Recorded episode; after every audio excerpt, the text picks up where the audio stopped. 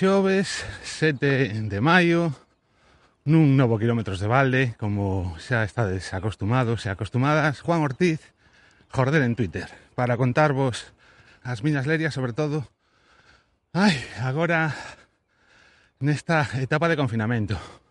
Notaredes que estou que teño unha respiración máis forzada do normal porque polo sitio polo que vou camiñando e que é precisamente do que vos vou falar neste episodio.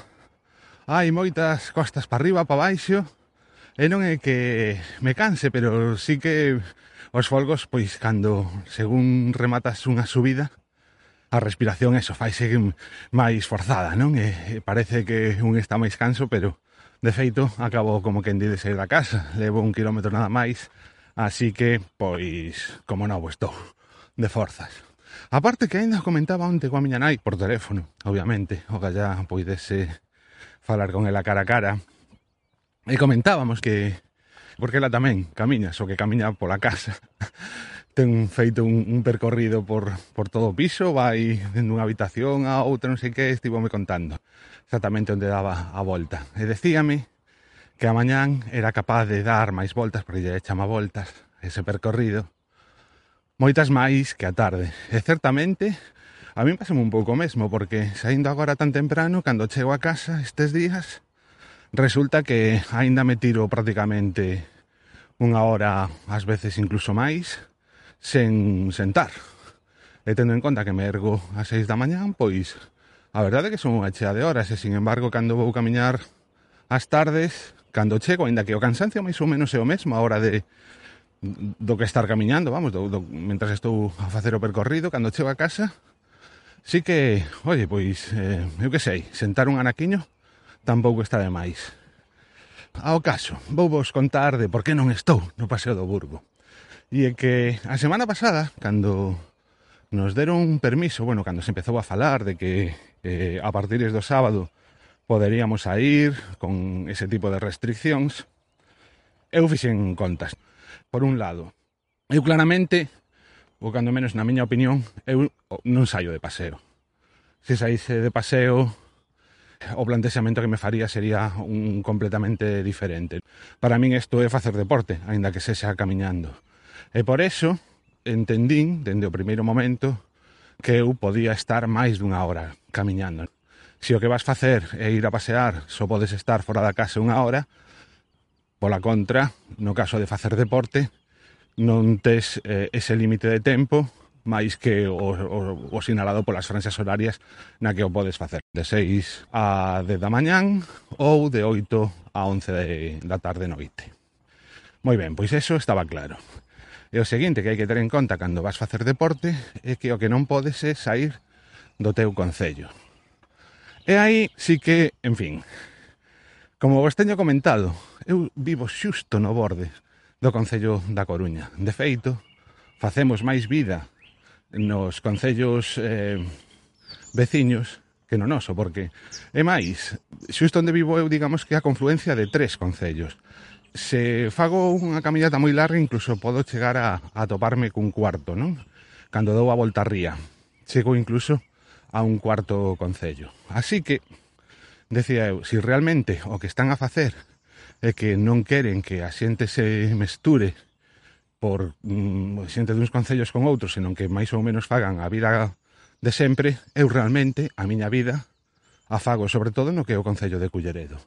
Polo que, sinceramente, non me plantexei ningún problema e dixen, vou facer exactamente a vida normal. E polo tanto, saio da Coruña, prácticamente, a, bueno, de feito un kilómetro despois, estou xa é un kilómetro pola avenida, eh? non vos pensades que isto é... que teríades que ver o plano.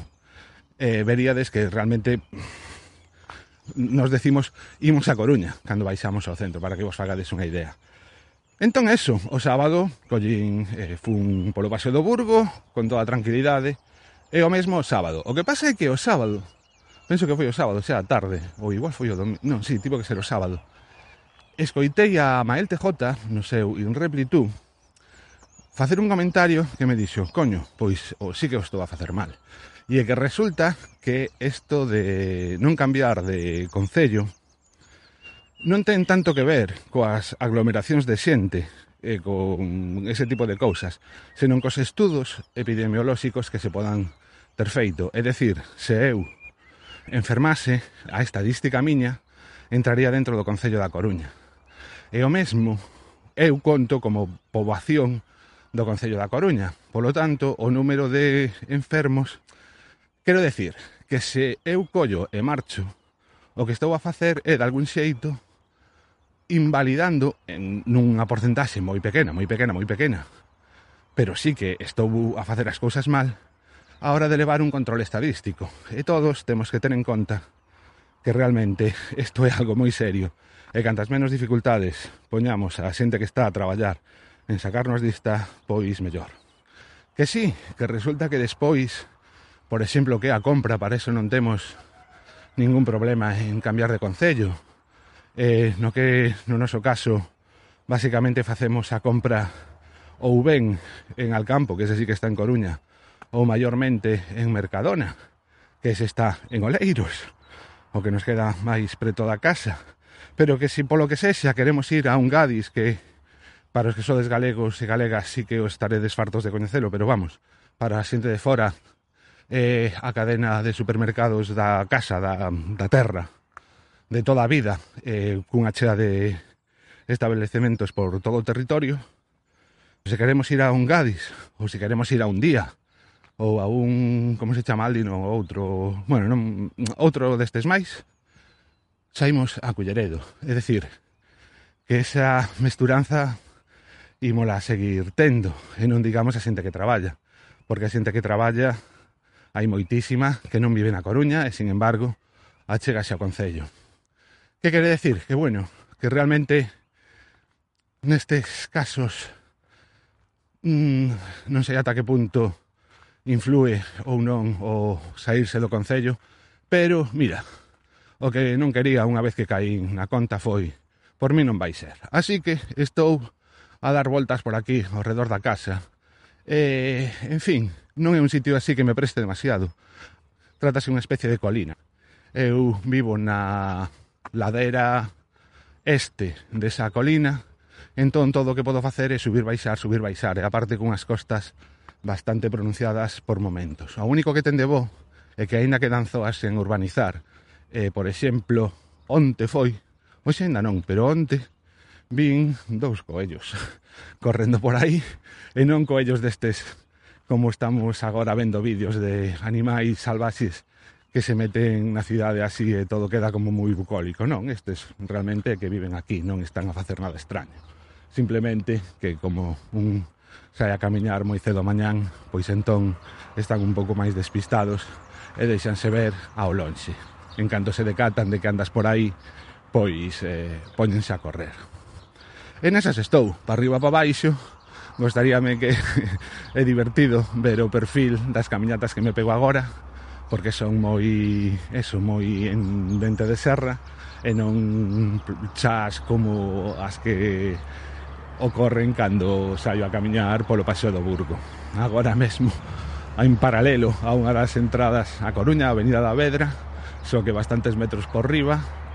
Eh, para que vos fagades unha idea, os que sodes da Coruña sobre todo, basicamente estou no entorno do ofimático.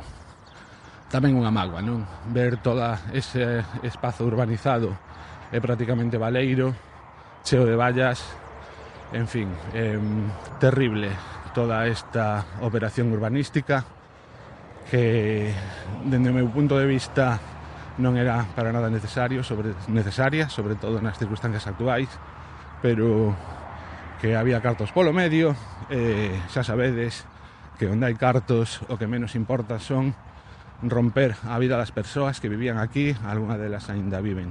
De feito, onde creo que estaba a mirar, vin, o sea, pasou por diante miña unha nova de que o Concello acababa de adicar ou de, presupo, ou de orzamentar non sei cantos eh, mm, non sei canto, non, non me lembro da cifra de cartos para acabar de expropiar determinadas parcelas que hai por aquí.